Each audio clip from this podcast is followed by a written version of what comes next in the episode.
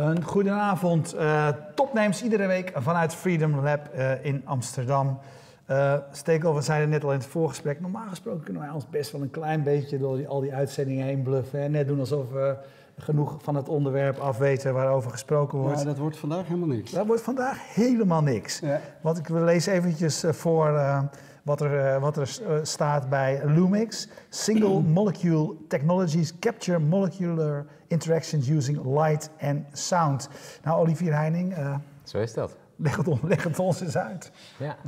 Lumix is een spin-off van de Vrije Universiteit in Amsterdam. En wij maken apparaten die voor het eerst ziektes kunnen observeren en meten op de schaal waar ze ontstaan. Eigenlijk alle ziektes en alle medicijnen acteren op de schaal van enkele moleculen. Eigenlijk de kleinste actieve delen in het lichaam. En het probleem is dat uh, terwijl daar alles gebeurt en we dus ook medicijnen moeten ontwerpen die op die schaal kunnen inhaken, de huidige analysemethodes heel erg tekortschieten. Dus die kunnen niet. In welk uh, opzicht? Waar, waar, schiet dat dan tekort? Ja, die kunnen alleen maar statisch een foto maken van hoe bijvoorbeeld een eiwit eruit ziet. Of een getal geven of een curve geven van hoe uh, eiwitten met elkaar binden. Uh, dus dan heb je een al uh, staatsinformatie of averaged informatie, maar nog steeds geen beeld van wat er werkelijk gebeurt. Je bedoelt echt video? Precies, ja. ja. En dat kan, kunnen wij voor het eerst met onze apparaten, maken wij dat mogelijk. En dat is een gigantische doorbraak voor de biologie en voor de medicijnontwikkeling. En dat is wel gaaf, dat is in Amsterdam ontwikkeld door twee jonge professoren. Uh, die terugkwamen uit Berkeley en Stanford en hier aan de VU jarenlang hebben samengewerkt. En toen die technologische doorbraak hebben geforceerd. Uh, ja, dus dat is eigenlijk wat wij uh, op de markt zetten sinds 2014. Toen zijn we opgericht. En, en die twee professoren, ben jij daar één van? Of, uh, nee, nee. Ge, zij, zij zijn wel verbonden aan het bedrijf. Ze zijn medeoprichter.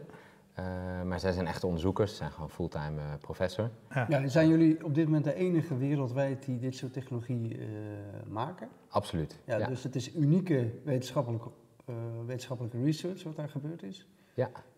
Um, dat gebeurt wel vaker, maar dat vervolgens dat natuurlijk in een bedrijfje ondergebracht wordt om daar echt producten mee te gaan maken, dat is wel vrij bijzonder, of niet? Precies, ja. ja. Uh, Want hoe is dat gegaan? Hoe, hoe, hoe, ben jij erbij betrokken geraakt? Ik werkte zelf bij een fabrikant van elektronenmicroscopen. Ja. Hele dure apparaten. Wordt voor een groot deel in Nederland ontwikkeld en gemaakt. Uh, heet nu FIA, inmiddels overgenomen door Thermo Fisher. Dat was vroeger Philips elektronenmicroscopie. Een van de grote mooie units in uh, Philips Eindhoven. En als in de operatie Timmer is dat afgestoten toen alle kroonjuwelen in de uitverkoop uh, gingen. Ja. Uh, maar er is heel lang een hele grote activiteit in Eindhoven gebleven. Die maken die statische foto's. Die apparaten worden veel miljoenen per stuk verkocht. Dan zie je ook best wel recent is, ook, is de Nobelprijs uitgereikt ook aan de mensen die dat weer een stap verder hebben gebracht. Er staat veel over in het NRC, zie je soms hè, mooie foto's van ja. hoe een eiwit of hoe het ACE-virus eruit ziet. Ja. Die worden allemaal in die microscopen gemaakt, uh, die foto's. En dat uh, zijn tegenwoordig hele mooie 3D-beelden. Ze zijn ook heel belangrijk in de medicijnontwikkeling. Dat als ze weten hoe een eiwit eruit ziet en ze uh, vermoeden of weten dat het eiwit een belangrijke functie heeft die geblokkeerd of gepromoot moet worden, mm -hmm. dan kunnen ze medicijnen, kleine moleculen ontwikkelen die op de juiste plek in dat eiwit inhaken om dan het juiste effect te hebben. Uh, dus ik heb daar jarenlang gewerkt, negen jaar, en ik ken dus goed hoe die high-tech equipment, uh, life science uh, research tool business uh, werkte. En um, observeerde ook heel erg vanuit mijn klanten, die dus miljoenen uitgaven aan die microscopen om statische beelden te maken. Dat ze, ja, het is, dit is fantastisch, een grote doorbraak. Maar het is nog niet helemaal, want die processen die zijn allemaal heel dynamisch. Ja. ja dat zijn vaak een soort circus acts tussen tientallen verschillende eiwitten die overgeven en achterlangs. Ja, dus je doet, een tijd, je doet eigenlijk een tijdsopname van iets wat eh, het volgende moment alweer totaal anders Precies, ja. alsof je een foto ja, of een 3D-view van, een... vrij spectaculaire video is die je dan maakt van die eiwitten en die moleculen. Ja, precies. We kunnen echt filmen precies wat er gebeurt. Welk eiwit bindt wanneer, hoe, uh, met welke andere eiwitten. Beweegt hij of niet? Bindt hij lang of kort? Beweegt hij snel of langzaam? Ja. Uh, die hele dynamiek kunnen we filmen voor het eerst. En dat is echt, uh, geeft heel veel inzicht in die belangrijke processen. Ja, maar wie bedenkt dan, want uh, nog even terug naar, weet je, het is wetenschappelijk onderzoek, twee slimme uh, professoren aan de VU, ja. bereiken een doorbraak. Wie bedenkt dan op een zeker moment dat daar een bedrijfje van gestart moet worden? Ze noemen dat trouwens valorisatie. ja, ja, dat is een, een, een mooi het, het, de, buzzword in Den Haag. Of spin van wetenschappelijk onderzoek. Ja. Spin-off, hoe heet het? Ja. ja, nou dat willen we in Nederland heel graag. Dat academisch onderzoek zijn weg naar de markt vindt. Dat noemen we valorisatie. En dit is ook wel een bijzonder geval. Het was echt vrij fundamenteel onderzoek. Het is ook heel leuk als dat dan echt snel tot grote een, tot een product leidt. En dat is vaak niet zo. Hè? Nee. Ja. Um, ik was uh, eigenlijk op vakantie met een van de onderzoekers. Uh, die, uh, die werkte in die onderzoeksgroep als ja. PhD. hij werd benaderd door instituten als Harvard en Cambridge. Die zeiden, hey, wat jullie in Amsterdam hebben gebouwd, dat is heel gaaf. Dat willen wij ook hebben. Kun je bij ons komen werken als postdoc om dat na te bouwen? Dus in die groep hadden ze al een idee van, ja, dit, dit is, hier zit iets. Ja. en ik keek er tegenaan vanuit mijn business perspectief, omdat ik die high-tech equipment en life science business goed kende. Uh, en zag van ja, dit is ook echt iets waar mijn klanten op zitten te wachten. Die statische foto's vinden ze leuk, maar ze willen filmen. En dat zeggen ze ook allemaal. Dus toen ik hiervan hoorde, zag ik wel potentie. Dan hebben we in de avonturen uh, uh, marktonderzoek gedaan. Een kleine Europese subsidie aangevraagd om dat verder uit te kunnen bouwen. En toen vrij snel heb ik ja, mijn baan opgezegd en zijn we gaan ondernemen. Toen was de, die PhD was ook net gepromoot, dus die was klaar met zijn onderzoek. Dus toen zijn we samen in een pijpenlaadje aan de VU zijn we productontwikkeling en verdere marktontwikkeling gaan doen. En we zijn eigenlijk direct de boer opgegaan. Dus we hebben meteen op papier het apparaat verkocht, wat nog helemaal niet bestond, maar we wel een idee hadden wat dat zou moeten zijn. Uh, en zijn we met instituten over de hele wereld, uh, uh, waaronder Cambridge en Harvard, die hem hadden benaderd van kun je dat bij ons komen bouwen, zegt zou je dit niet willen kopen. Ja. Dus dat was onze, was onze fase in de Voice of Customer, zoals het heet. dat je echt heel duidelijk krijgt wie zijn mijn klanten, wat zijn hun behoeftes? Wat voor apparaat zouden ze willen hebben en wat voor requirements hebben ze aan? En heel belangrijk, wat zijn ze bereid om daarvoor ja, te betalen? Ja, en ervoor betalen, want dat is het belangrijkste. Want iedereen heeft er interesse in. Maar... Dus jullie hebben eigenlijk voorin, voorintekening gedaan uh, voor, voordat je ging produceren? Ja, ja. en uh, de eerste klanten hebben ook eigenlijk die manier meegefinancierd in het afmaken van het product.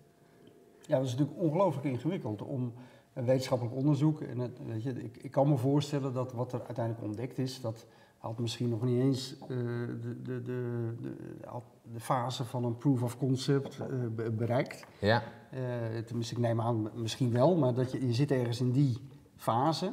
Ja. Om dan vandaar naar een product te gaan wat je in de markt kan zetten, is natuurlijk een mega opdracht. Ja, dat is een gigantische stap geweest. Dus die, die proof of principle setups. Hoe ga je dat dan doen? Het was een proof of principle. Ja. Er zit nog een stadium ervoor. Ja, dat zijn hele grote, echt kamergrote open laseropstellingen. Ja. Uh, met breadboards zoals het heet. Grote tafels met uh, duizenden gaatjes erin waar je overal pilaartjes en lenzen kunt monteren. Allemaal open in de ruimte. Uh, met een hoop snoeren en schoenendozen om dingen afgeschermd te houden. Ja. Een hoop duct tape en, en, en tie wraps. ja, en echt een kamer vol. Waar dus een, een, een, normale gebruiker helemaal niets mee kan. Dat is echte hardcore fysica in ontwikkeling. Het is ook technisch op het grensvlak van wat fysisch mogelijk is. Dus dat is een enorme slag geweest om daar een product van te maken. We hebben dat gedaan met externe partijen, uh, met heel veel eh, simulatie en software, om eigenlijk die optische werking van dat prototype, de proof of principle uh, setup, te vertalen in software waarmee we konden modelleren hoe die optische werking was. En vervolgens in CAD alle optische elementen daar omheen hebben kunnen bouwen. En daar uiteindelijk een, uh, een product uh, Je hebt ook een, onderdeeltje uh, meegenomen, want je, je zegt al, je maakt video van iets op microscopisch klein niveau eigenlijk. Hè? Vat ik het goed samen? Ja. Um, hoe werkt dat? Kun je, kun je dat uitleggen aan een leek zoals ik? Ja, nou ik ga, ik ga het proberen. Ik stel, ja. ik stel me voor lenzen waardoor je eindeloos ver vergroot, maar er moet natuurlijk heel veel licht bij, want anders werkt dat niet. En, ja, nou in, in die richting. Ehm, eh, we maken voornamelijk gebruik van lasers. Dat is mhm. een, een uh, licht in de vorm van één enkele straal. Ja. dus alle fotonen niet verspreid, maar allemaal in één enkele straal uh, voorwaarts gaan. Um, en die focuseren we nog weer in een heel sterk punt. En op die manier creëren we optische pincetten, waarmee we iets kunnen vastpakken in het licht dat is de allereerste stap. Dat klinkt heel Star Wars, maar dat kan echt. Je kunt met licht iets vastpakken, hele kleine objecten. En op die manier kunnen we allereerst het DNA-streng uh, eh, vastpakken. Dus we zijn in staat om een enkele streng DNA, wat natuurlijk onvoorstelbaar klein is, vast te pakken, uit te rekken en te meten ook aan de krachten die daarop plaatsvinden. En vervolgens hebben een, een ik vind, het, micro... vind, het geweldig en snap het tegelijk. Ik bedoel, dit ligt niet in jouw uitleg, maar zeg het is buiten mijn uh, uh, voorstellingsvermogen bijna. Maar ja. ik, ga verder, geweldig verhaal. Heb je een string DNA? Ja. En dat, dat gebeurt allemaal in een uh, microfluidic uh, flow environment. Een, uh, een, kleine chip waarin stroompjes van verschillende oplossingen parallel langs elkaar lopen in een laminaire stroom, dus zonder te mixen. En op die manier kunnen we die optische pincetten verplaatsen van stroompje naar stroompje. En zo vangen we in het eerste stroompje vangen we het DNA op. En dan vervolgens gaan we naar stroompjes waar eiwit A, eiwit B, eiwit C in zit. En op die manier kunnen we dat biologische ensemble in situ samenstellen in die chip. En dat gebeurt allemaal op, op micrometer schaal. En ja. die elementen zijn allemaal sub-nanometer groot. Dat is heel, heel klein allemaal. Um, en dat doen we met die optische pincetten. En dan om te filmen scannen we met weer een andere laser, zelfs verschillende laserkleuren, over dat uh, DNA.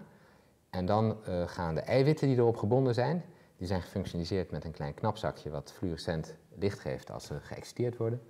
Uh, kunnen we filmen waar die eiwitten zitten op dat DNA en of ze samenwerken of niet. En zelfs ook in welke conformatie ze zitten.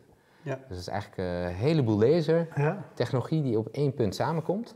En hoe we dat dan bouwen is, is, een, uh, is door eigenlijk die hele grote kameropstelling helemaal gecondenseerd te hebben tot een, tot een compacte setup, ongeveer zo groot als deze tafel. Maar dat allemaal precies op de juiste manier, op de juiste plek gebeurt. Ja, dat zit dan natuurlijk inderdaad... Dat zit veel compacter op elkaar. Ja. ja. Ja, en dit is een onderdeel van die machine? Dit is een onderdeel. Ja, er zit een spiegeltje in? Ja. Nou, je ziet, ik heb, ik heb niet een, uh, een nog gebruikte, hij is beschadigd. Ja. Uh, je ziet er krassen op. Uh, anders kun je en, er niet met je vingers en, en, wat is hier nou de impact van? Want je zei net, elke ziekte of elk medicijn acteert op dit niveau hè, van, van moleculen en eiwitten. Ja. wat is de impact van dat, dat die processen nu gefilmd kunnen worden in potentie? Ja, in eerste instantie is het dat onderzoek verder komt. Biologen nu echt snappen hoe type 2 borstkanker ontstaat. Als er een bepaalde genmutatie is en een eiwit niet meer functioneel is, kunnen we nu echt filmen hoe dat plaatsvindt. En dat geldt voor hè, alle soorten ziektes, want, want die vinden allemaal op die schaal plaats. Dus onderzoek naar al die verschillende ziektes en alle varianten ervan en verschillende mutaties, dat kan nu allemaal veel verder gebracht worden.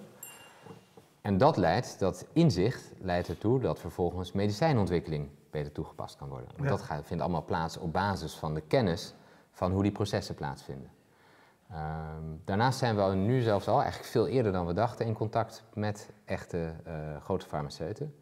Die de potentie hiervan inzien, niet alleen voor fundamenteel onderzoek, maar zelfs direct in de medicijnontwikkeling. Dus zij willen uh, in hun onderzoek, waarin zij kijken hoe procesjes plaatsvinden, al dan niet onder invloed van medicijnen, ook dat gaan filmen. En dan zien, blokkeert het medicijn werkelijk het juiste eiwit en heeft dat het veranderende effect op het proces zoals we het vermoeden. Uh, kunnen ze veel beter en sneller doen dan eh, tot nu toe. Ja. ja.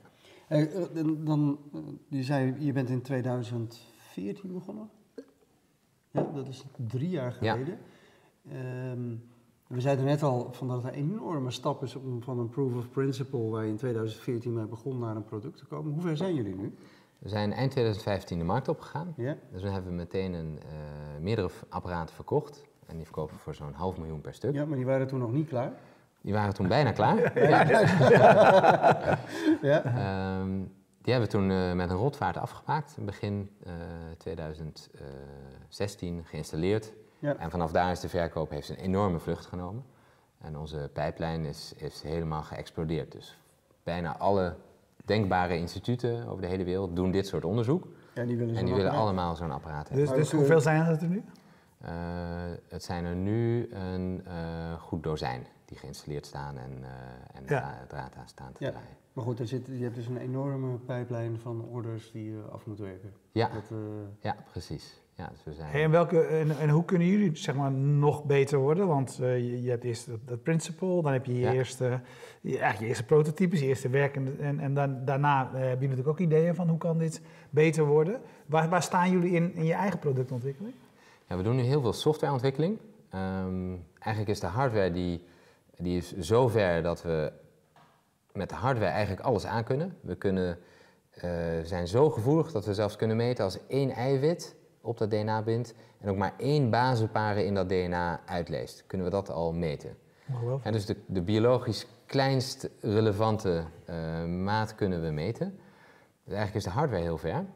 Maar de uitdaging is nu om middels software het ook makkelijk bruikbaar en high throughput te maken. Ja. Zodat biologen er echt mee aan de gang kunnen. Onze klanten nu zijn de biofysici, die opereren op dit grensvlak. Die snappen een beetje die optica. Uh, zeggen, ja, dit gaan we niet meer zelf ontwikkelen, want wat er in het product zit is veel beter dan we ooit zouden zelf kunnen ontwikkelen. Ja. Uh, en snappen een beetje de biologie. Zijn dat aan het toepassen voor hun peers in het instituut. Uh, maar onze echte grote adoptie zal zijn wanneer de brede biologie, een gewone bioloog zegt, ja, dit is een, een toevoeging in mijn palet aan metingen. Maar daarvoor moet het heel gemakkelijk te gebruiken worden. En de interface alleen maar zijn in de parameters waar een bioloog in denkt. Dus middels de software moeten we alle complexe fysica die er plaatsvindt, helemaal under de hoed laten plaatsvinden. Ja. En een bioloog eigenlijk alleen maar zijn biologisch relevante parameters uh, laten ingeven. Nou, hoe, hoe, werkt dit qua financiering zoiets? Want uh, je vertelt al, het, het, ontstaat ergens aan de universiteit in, in een onderzoeksgroep. Ja. Uh, dan ontstaat het idee om dat naar de markt te gaan brengen, zo'n technologie. Die professoren zijn er ook bij betrokken. Ja. Uh, daar gaan wat enthousiaste mensen mee aan de gang. Uh, hoe zit dat met uh, IP, intellectual property? En wie heeft nou eigenlijk de rechten op dit soort technologie? En hoe hangt dat samen met hoe je... Want ik neem aan dat jullie heel veel geld nodig hebben gehad om dit voor elkaar te boksen. Hoe, hoe werkt het in dat spectrum? Want de investeerders zijn altijd geïnteresseerd in die IP. Ja, ja. kun je daar eens wat over vertellen? Ja. Um, allereerst de, de proof of principle patenten, die waren door de VU gefaald. Ja. Uh, daar hebben we een exclusieve licentie op.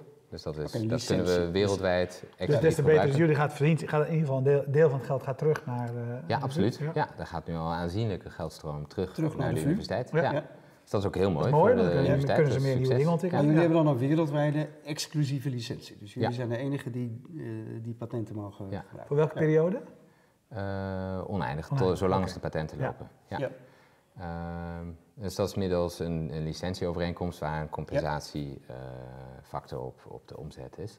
De universiteit heeft geen eigendom in het bedrijf. Okay. Uh, dus dat geeft ook uh, goede vrijheid. Dat is ook een gelukkige filosofie van de universiteit om dat niet te gaan doen. Niet aandeelhouder te gaan spelen, want daar is de universiteit in mijn optiek niet, uh, niet voor gemaakt. Nee. nee. Um, ja, we zijn dus snel gegroeid en daar is veel kapitaal voor nodig geweest. Ja. Uh, in de vroege fase hebben we subsidies en leningen kunnen ophalen. Uh, juist omdat het precies past in het straatje wat de politiek graag wil, Europese en Nederlandse politiek. Uh, we hebben verschillende Europese subsidies kunnen binnenhalen. Eerst voor proof of concept, ehm, voor door go-to-market hebben we Nederlandse geldlening kunnen ophalen. de vroege fase financiering of de take-off lening. Ja. Dus er zijn eigenlijk allemaal mooie financieringsinstrumenten. Um, en we hebben een heel grote uh, Europese subsidie van aantallen, uh, een aantal miljoenen uh, opgehaald voor verdere doorontwikkelingen. Met een consortium van universiteiten waar wij dan de industriële partner in zijn. Dus op die manier hebben we eigenlijk een heel groot deel van de... Dat is een grappig verschil met, met zeg maar de gewone commerciële ja. start-ups. Hè? Dat als je dan blijkbaar uit, uit, die sector komen waar jullie in zitten, wetenschappelijk onderzoek, zijn er opeens ongelooflijk veel subsidies bij de Nederlandse overheid en in, in Europa uh, beschikbaar voor dit soort dingen. Ja, ja. Uh, we hebben wel ook erg ons best moeten doen om die uh, aanvragen goed te schrijven. En dat is niet het allerleukste werk. Um, maar het is wel de manier om, om snel te kunnen groeien en wel eigendom van je bedrijf te houden. Uh, daarnaast hebben we met die vroege klanten die eigenlijk meefinancierden, hebben we heel snel marge gegenereerd waarmee we doorontwikkeling hebben kunnen doen en ook het bedrijf hebben kunnen opbouwen. Ja, ik vind het vooral dat je het ongelooflijk snel dan, uh, als ik hoor hoe lang sommige bedrijven ja. uh, bezig zijn met productontwikkeling van veel simpelere dingen. Ja. We hebben ze hier vaak aan tafel, weet je. Dat, dat, als ik jou hoor praten, denk ik van nou, dat zijn allemaal hele simpele dingen. Dat je dat in, in een jaar of drie naar de markt weet te brengen. Dat is echt ongelooflijk. Ja. Vraagje van uh, Twitter. Johan Schaap zegt: Waarom is het zo dat technologie veel dingen goedkoper lijkt te maken, behalve in de gezondheidszorg? Hmm. Ja, nou, dat is echt wel een goede, uh, goede vraag. Um, hoe meer technologie er tegenaan gegooid, hoe complexer het wordt. En, en mensenleven heeft eigenlijk geen prijs in, vanuit veel ethische perspectieven. Wat natuurlijk niet werkt, economisch. Je moet overal aan prijs houden. Dus ergens wordt er toch een streep getrokken. maar die is altijd heel pijnlijk. En naarmate er meer mogelijk is, is men toch bereid om daar extra voor te betalen. Maar er zijn allerlei behandelingen ook nu die, ja, die, die honderdduizenden euro's per behandeling kosten. dat zijn hele, ja, ja, hele moeilijk uit te leggen kosten. Um, en ik denk dat we in de wereld echt nog een grote stap moeten nemen in een, in een model waarin tussen overheden en verzekeraars en farmaceuten een goede balans wordt gevonden. Ja tussen risico en winst. En ik, het is wel duidelijk dat farmaceuten uh, in, in, veel gevallen toch nog uh, onredelijk hoge winsten maken voor de risico's die ze, die ze nemen in de ontwikkeling. Ja, dat, dat vind jij ook als je naar die markt kijkt. Vind ik ook, ja. ja. We hebben wel heel leuk, en wij dragen dus ook bij aan verlaging van die kosten. Uh, ons apparaat is heel duur natuurlijk. een half miljoen per stuk is een hoop geld. Maar een clinical trial kost 1 à 2 miljard een hele ontwikkeling. Uh, dat is de hele ontwikkelcyclus van een medicijn, inclusief de clinical trial. Ja. En op het moment dat een, een, farmaceut kiest welke medicijnen die trial ingaan, dan is er eigenlijk geen weg meer terug. Dat is een meerjaren traject wat ja. uh, honderdduizenden of een miljard euro kost. En als het dan uiteindelijk niet goed uitkomt, dan, sta je weer bij, dan ben je helemaal terug bij af en dan heb je 2 miljard weggegooid. Um, dus als je in dat proces ook maar ietsje extra informatie hebt om te weten of je de juiste drug lead, zoals het heet, de trials instuurt, kan alles uitmaken. En ze geven ook aan, de, nu zijn ze vaak met een tiental leads komen ze aan op het punt dat ze zeggen, ja, we hebben eigenlijk alle methodes uitgeput om te weten wat nou de beste zijn. Er zijn er nog steeds veel waarvan het om het even lijkt. Dus heel erg hongerig voor extra informatie. En wij brengen natuurlijk ja, een hele een discrete stap omhoog in extra informatie middels het kunnen filmen. Ja. Dus daar kunnen we grote verlaging in de kosten ja. uh, betekenen. En wat ik ook wel intrigerend vind, we hebben hier natuurlijk best wel vaak mensen aan tafel die uh, ver voor de troepen uitlopen en uh, de, vanuit de visie die zij hebben op de toekomst zeggen van, ja, weet je, de technologische ontwikkelingen gaan zo hard dat over tien jaar is kanker gewoon, weet je, was opgelost. Ja. Uh, over tien jaar is dat, uh, bestaat niet meer. Weet je? We hebben ze aan tafel gehad, mensen van Singularity University. Of, uh, hoe kijk jij daar tegenaan als iemand die in dit veld dus werkt, investeert, bezig is? Als ik jou zo hoor praten over op welk niveau je op een gegeven moment bezig bent, zie jij zo'n ontwikkeling eraan komen met die enorme versnelling van die technologie? Ja, ik geloof het wel. ja? ja? Ja, dus in die zin is het dan misschien ook uh, niet zo erg als farmaceuten nu uh, veel geld opbouwen, want er wordt ook heel veel opnieuw geïnvesteerd. Er is ongelooflijk veel geld in pharma en biotech. En er wordt ook wel echt heel veel doorbraken geboekt. Uh, bijvoorbeeld op kanker zijn er een aantal heel veel belovende trajecten ingezet, waarin de immunotherapie is. Dus eigenlijk het wapenen van je eigen immuunsysteem om de kanker aan te vallen. En nou, er zijn een aantal richtingen heel veelbelovend in aan het worden. Ja, we observeren dat van heel dichtbij, omdat onze klanten dat doen, onze partners. We zijn ook bezig met een aantal ontwikkelingen die de stap nemen van fundamenteel onderzoek naar diagnose, zelfs naar klinische toepassing. Mhm. Eh, dat is allemaal nog heel uh, geheim en spannend, maar daar, ook daar kunnen we mogelijk bijdragen aan het, aan het unlocken van uh, dit soort therapieën. Maar zonder je geheimhouding op het spel te zetten, kun je, kun je zeggen waar dat dan over gaat? Ja, dat zit in de richting van de immuuntherapieën.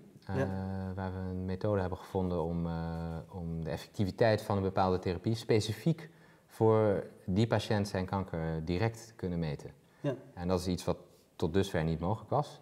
Maar ook dan onze methode waarmee we voor het eerst kunnen filmen, maar ook meten op, met de gevoeligheid van enkele moleculen en enkele cellen, uh, dat ineens wel kunnen. En dat geeft een enorme, enorme doorbraak. Ja, dat kan ik me wel voorstellen. Als je op dat niveau kunt zien wat er gebeurt. Ja. Uh, dat dat natuurlijk uh, ja, enorme doorbraken ja. teweeg kan brengen. Ja. dat vinden we zelf ook heel spannend. Dat we toch snuffelen aan de, aan, aan, aan de richting, hey, richting en, de kliniek. Je, werkt dan, jullie, jullie hebben twaalf van die apparaten inmiddels operationeel, dus over de hele wereld neem ik aan. Ja. Ik neem aan dat daar geen uh, gebruiksaanwijzing bij zit, 12 pagina's. Uh, Die, eh, of een quick start guide. Dit is een quick start guide. ja, ja, als, jij, als, jij, nog een half miljoen over hebt, dan kun jij volgende nee, week aan de slag. Ik probeer, weet je, want je weet natuurlijk eigenlijk denk ik best heel veel van het soort onderzoeken wat met jullie apparaten gedaan wordt. Maar ben je daar nou bij betrokken, bij het installeren en geef je cursussen vanuit jullie bedrijf? Hoe werkt dat? Ja, we geven trainingen aan de gebruikers. Ja. Dat zijn vaak uh, niet de professoren die het apparaat kopen, maar de onderzoekers in dat lab. Ja. Uh, die zijn heel specialistisch getraind. Die kunnen we in een kwestie van een paar dagen kunnen we die trainen om het apparaat te bedienen. Dus we zijn met onze software al zover dat een bioloog in een paar dagen kan leren het apparaat uh, te gebruiken. Ja. Um, en er is inderdaad daarnaast een geplastificeerd uh, velletje met uh, de, de ja. quick, uh, quick guide. maar even, even daarover, hè, want wat, heel veel gaan, van, de, van de gesprekken die hier gaan, gaan, uiteindelijk over de democratisering ook van, van de digitalisering van de media, et cetera. Ja. iets begint duur, is een grote doorbraak en op een gegeven moment komt het, wordt het toegankelijk voor een, voor een groter publiek. Op een lange termijn is, is, is, is, komt er een versie van, van jullie apparatuur die bij uh, bij de huisarts staat, zeg maar? Om te... Mogelijk wel, ja. In een klinische toepassing. In het ziekenhuis. Uh, ja. Huisarts misschien nog een stapje verder. Ja. Nou, ook niet uit te sluiten. Ja. Uh, ja, dat kan zeker. En ik denk daarnaast leuk om te noemen in jullie context ehm, dat een tussenstap is dat we niet het idee hebben dat we alles zelf kunnen ontwikkelen. Um, en ons product uh, qua hardware en qua software een heel uh, sterk platform maken. Maar ik zei, die hardware die kan eigenlijk alles al. Ja. Software die zorgt ervoor dat het veilig en gemakkelijk te opereren is. Ja. Maar die biologie is allemaal ontzettend specifiek en ingewikkeld. En dan wil je eigenlijk allemaal experimenteerprotocollen ja, uh, open source maken. En dat is helemaal open source. Okay. Dus alle data-analyse die ook on the fly gebeurt. heb ik een molecuul vast? Is het het juiste molecuul? Wat meet ik? Eh, trace-algoritmes eh, die kijken wat er precies gebeurt. Eh, gebeuren allemaal in, in de open source gedeelte van onze software. Dus onze klanten kunnen ook de data-integriteit helemaal valideren. En die kunnen ook de algoritmes waarmee de, data, de rauwe data bewerkt wordt, wijzigen. En die kunnen scripts schrijven waarin ze zelf voor hun specifieke experimenten het apparaat helemaal vrijelijk kunnen bedienen. En ook toegang hebben tot alle datastromen die eruit komen. En uh, dat, dat begint nu te lopen. En uh, dat willen we ook op die manier eigenlijk in een soort platform online uh, beschikbaar maken. Ja. Waarin die onderzoekers hun scripten, hun algoritmen, hun plugins delen. En mensen ja. die weer voorwaarts ja, kunnen nemen en doorontwikkelen. Dat was mijn volgende vraag. Ik, ik weet, weet je, er is tussen dit soort wetenschappelijke onderzoeksgroepen ook enorme concurrentie. Dat gaat over subsidies, over, vaak over heel veel geld, over potentiële Nobelprijzen. Ja zijn die geneigd die informatie te delen? Want wij weten allemaal dat dat natuurlijk ongelooflijk, uh, een ongelooflijke versnelling teweeg kan brengen. Als niet tien uh, laboratoria met elkaar gaan zitten concurreren, maar met elkaar uh, gaan samenwerken. Ja. Ze zijn bereid dat te delen als, als de vinding al gepubliceerd is. Ja, precies. Veel van die algoritmes en scripts die zijn vaak niet de vinding zelf, maar die zijn methoden om tot de vinding te komen. Ja. En die methoden die zijn ze verplicht om open te publiceren in alle journals eisen tegenwoordig een heel hoge mate van transparantie. Ook naar alle fraude dingen. Zijn. Ja. Elk experiment moet na te doen zijn. Ja. Uh, dus wij, wij gaan daar helemaal in mee. Dat, we zeggen, nou, als je en dat is eigenlijk de basis van jullie platformidee, waarbij je zegt van nou, wij bieden dat gewoon uh, transparant uh, aan iedereen aan. Ja, dus dan een onderzoeker die een bepaalde force fitting curve algoritme heeft ontwikkeld. die, die moet dat toevoegen in zijn paper als hij het publiceert in Nature. En dat kan dan meteen uh, online bij ons. Uh, Want mensen kunnen zien van, hé, hey, dat heeft hij op die manier gebruikt. En die kunnen dat dan weer verder doorontwikkelen. Je zou kunnen zeggen, jullie zijn met die, met die 12 nu nog aan het begin daarvan. Hè? Kun je daar al iets van, van, van ervaren? Van zeg maar de, de, de, de voortgang die gemaakt wordt door de, nou, de open source gang, de gebundelde krachten, gebundelde inzichten, et cetera? is nu nog vroeg. Met, nu vroeg, hè, denk ik. Ja, ja. Uh, het duurt lang voordat onderzoekers publiceren. Onze klanten zijn nu allemaal vindingen aan het doen. Ja. Maar dan moeten ze eerst submitten en uh, geaccepteerd worden. Dat, dat, kan jaren duren. Maar we zitten wel een beetje tegen een bubbel aan dat nu echt de eerste publicaties echt uit gaan Oké, spannend. En, en, hoeveel mannen hebben jullie in dienst? Uh, 33 inmiddels. 33. We zijn heel hard aan het groeien. Ja. Is dat lastig in Nederland, qua gekwalificeerde mensen? Ja, nee. Ja. Uh, software is altijd een uitdaging natuurlijk, maar we hebben een aantal hele goede mensen. Uh, de bioloog-specialisten, die kennis hebben van dit soort toepassingen zijn natuurlijk heel zeldzaam. Ja. Want het bestond niet. Er waren wat labs over de wereld die ook aan het pielen waren, zoals in Amsterdam, met zelfgebouwde oplossingen. Dus daar moeten we het van hebben. Dus een hele kleine pool is dat. Ja. Eh, en dat duurt even voordat uit onze huidige klanten de volgende generatie applicatiespecialisten en business developers eh, voor Ja. ons eh, beschikbaar komt. En Maar die daar- twee, die twee professoren hè, die aan de wieg hebben gestaan van dit Ja. idee, die die doorbraak hebben geforceerd. Je vertelde het Ja. aan het begin, uit Stanford eh, teruggekomen en uit Ja, Berkeley. Berkeley. Hebben die, worden die hier nou nog beter van? van? Van het feit dat uiteindelijk ze iets heel bijzonders hebben, voor elkaar hebben gekregen, weet je wel, patenten Ja. op gekregen vanuit de universiteit. Dat- Jullie nemen dat mee naar een bedrijf. Worden zij daar persoonlijk ook beter van? Hoe werkt dat? Nou, ze zijn natuurlijk mede-aandeelhouder. Oh, zij Dus, zijn wel mede-aandeelhouder? Ja, ja dus zij eh, zijn privé mede-aandeelhouder. Ja. Eh, en hebben ook eh, in de opstartfase enorm meegedacht eh, om, eh, om het Ja. een succes Zijn te ook nog maken. steeds betrokken? Zijn nog steeds betrokken, ja. Zijn ze nog geïnteresseerd of, of zijn ze eigenlijk... zij- zij- of- ik kan me best voorstellen dat juist zij alweer met iets heel anders bezig zijn. Nee, ze zijn heel geïnteresseerd. Ja. Ja. nee, het past heel goed. En ze hebben zelf ook zo'n apparaat staan. Een van onze eerste prototypes. Ja. Gebruiken ze veel. Ehm, nee, dus in die zin zijn ze, zijn ze heel betrokken. Eh, en daarnaast is het wel leuk, eh, veel van de klanten die bij ons komen om eerste proeven te doen, om te kijken eh, of het echt werkt, en eh, die dan vervolgens geld gaan aanvragen om het te kopen. Want universiteiten moeten altijd geld aanvragen om Ja. Dit soort investeringen te kunnen doen. Die hebben om die periode te overbruggen, willen ze vaak graag door. En dan zeggen we, ja, sorry, hè, de demonstratie is over. Ja. Ze moeten of huren, ze kunnen ook het apparaat huren. maar je moet Ja. Ja. Ja. En dan kunnen ze vaak samenwerken met die onderzoeksgroep om in die overbruggingsperiode. Dus er zijn ook best wel wat samenwerkingen voortgekomen uit onze vroege klanten. Die, Ja. eh, Op termijn, eh, hoe, hoe goedkoop kan, kan, kan jullie apparaat worden? Van die half miljoen, wat, wat, waar, waar denk je dat het naartoe beweegt? Als de Dat schaal kan- groot genoeg is? kan wel door de helft of naar een derde. Ja, Het zijn natuurlijk nog hele kleine, echt heel kleine aantallen. aantallen, ja. Ja, dus en die dat- oplagen zullen natuurlijk in die zin nooit gigantisch worden. Hey, en- nou ja, ik als probeer elk ziekenhuis, hem kan hebben. Ik probeer me dat er nog even voor te stellen, eh, want ik, we hebben wel vaker productontwikkelaars hier aan tafel gehad, Ja. maar die hebben dan op een gegeven moment iets klaar en dan laten ze het in China maken, weet je wel. Ja. Hoe, hoe doe je dat in godsnaam met zo'n ingewikkeld gespecialiseerd apparaat? Dat is niet Ja. eventjes beschrijven wat je wil en... eh, Nee, dat hebben we geprobeerd en daar zijn we, daar zijn we snel van Ja, teruggekomen. ja. Ja. Ja. Er wordt heel veel precisie fijnmechanica gemaakt. En dat is wel heel bijzonder. Nederland heeft daar een gigantische supply chain voor. Oh ja? Dat weten Zijn wij, daar echt goed in? Ontelbaar veel instrumentmakers, zoals dat vroeger heette. Ja. Eh, die eh, ja, eigenlijk met freesbanken, dat is allemaal vol automatisch, computergestuurd tegenwoordig. Ja. Precisie onderdelen maken. Omdat we in Nederland zoveel van dat soort eh, productie hebben. ASML is een van de grootste Ja. afnemers. Ja. Dus, Dus, dat veel, veel van de toeleveranciers van ASML werken nu ook voor jullie? heel veel. Dus daar moet je aan denken, aan dat soort industrie. Precies. Ja.